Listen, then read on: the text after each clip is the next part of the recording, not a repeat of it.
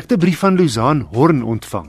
Sy skryf na aanleiding van berigte en uitsprake van motorvervaardigers in Europa oor dieselvoertuie. En sy vra, "Wat is die toekoms van dieselvoertuie in Suid-Afrika?" Ek het gaan kers opsteek by Nicolou, hy is die tegniese redakteur van die tydskrif Kar. Ek wil uh, net vir Luzaan sê ek was in 'n bevoordeelde posisie gewees om onlangs bietjie oor see te gaan kuier eerstens saam met Volkswagen groep en Audi en toe ook daarna met uh, Jaguar Land Rover en ek het die geleentheid gehad om met hulle top ingenieurs daai kant te praat oor aandryfstelsels en veral ook oor diesel en die toekoms vir diesel. Natuurlik is dit nou 'n 'n groot onderwerp op die oomblik, veral natuurlik oor na die Volkswagen skandaal dink ek het diesel nou regtig op die kaarte gekom en almal het begin kyk daarna.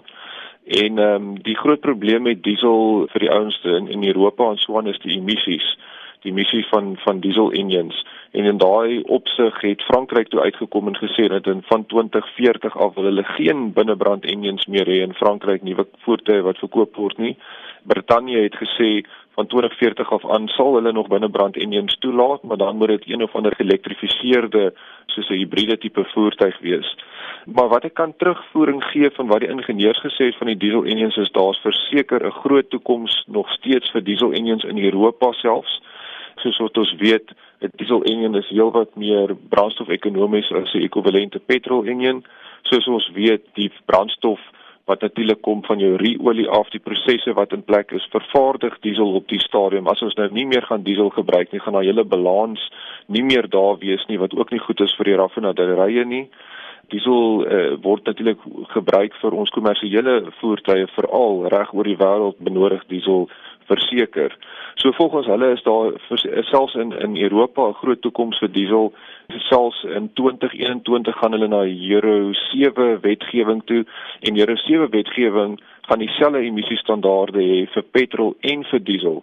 So van 2021 af aan, as jy diesel wil ehm um, verban, dan gaan jy ook petrol moet verban. So net in daai opsig dink ek kan ek vir gerusstel dat as in die eerste wêreldlande hulle nog 'n groot toekoms sien vir diesel, dan soveel te meer in ontleikende lande of in lande soos ons en wat definitief afhanklik is van binnebrand engines omdat ons lang afstande het en al ons toestande wat ons hier het. So die toekoms vir diesel is definitief nog baie rooskleurig in Suid-Afrika. Ek dink ons gaan nog baie lank diesel engines hierso kry. Nikkel, maar hoe lyk die standaarde wat diesel emissies aanbetref hier in Suid-Afrika? Heidiglik is ons by Euro 2 standaard in Suid-Afrika so ver agter die Euro 6 standaard wat mense kry in Europa. En daarom, soos ek gesê het, het diesel definitief 'n groot toekoms hier by ons. Ehm um, ons het eintlik nie in ons uitlaatstelsels op die oomblik hierdie dieselpartikulaat uh, filters nodig nie alhoewel ons van voertuie wat ingevoer het selfs hierdie filters het maar soos ek sê ons standaarde is definitief heelwat laer as wat 'n mens kry in Europa. Nicolou die tegniese redakteur van Car. Motornavraag kan gerus aan my ge-e-pos word. Die adres is wissel@rsg.co.za.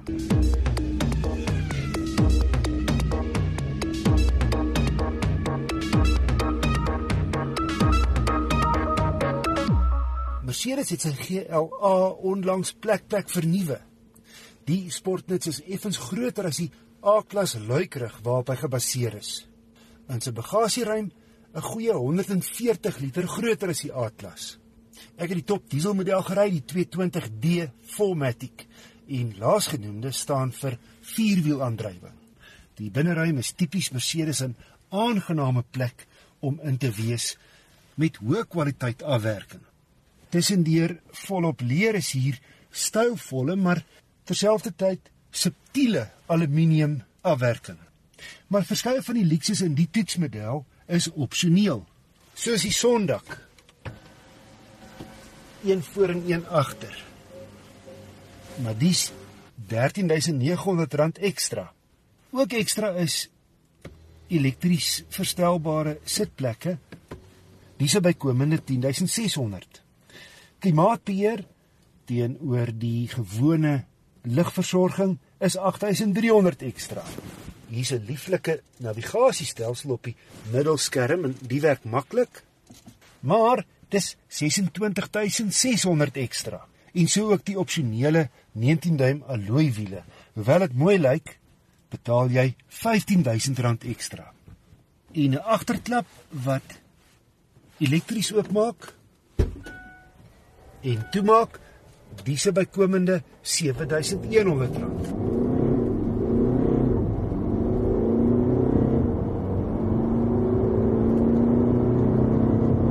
Syfers van 130 kW en 350 Nm het die 2.1 turbo diesel genoeg krag, maar is effens grower as die van die kompetisie.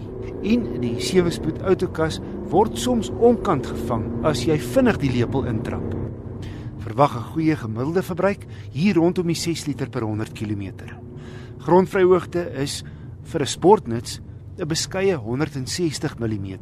So ondanks die vierwielaandrywing en afterhande beheer wat gemoeder is op 'n grondpad gee, gaan jy nou nie 'n rowwe tweespoorpad aandurf nie. Veral in ag geneem dat daar nie 'n spaarwiel is nie, net so 'n band herstelstelletjie. Die rit nogal ferm, selfs met die standaard 17 duim alloy wiele op hierdie toetsmodel. So ek sou wegbly van die groot opsionele 19 duimers met hul dun rubber. Maar ten minste is die voorste sitplekke baie gerieflik.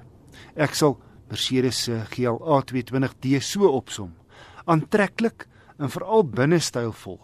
Maar hy's duur teen R593600. Veral wanneer die mens opsies inreken wat jy gedink het eintlik standaard op die topmodel Mercedes GLA diesel sou wees. Nou kyk, 'n sportnuts met die 3-punt ster gaan homself verkoop. Maar indien die status van 'n premium sportnuts nie vir jou prioriteit is nie, is daar 'n hele paar uitstekende alternatiewe wat ek onlangs in die medium grootte sportnutsklas getoets het wat meer bekostigbaar is as die GLA 20T, meer ruimte bied en meer veelsuidig is. My geld sou ek spandeer op een van die volgende: Volkswagen se Tiguan, die Mazda CX-5, die Hyundai Tucson of Kia se Sportage.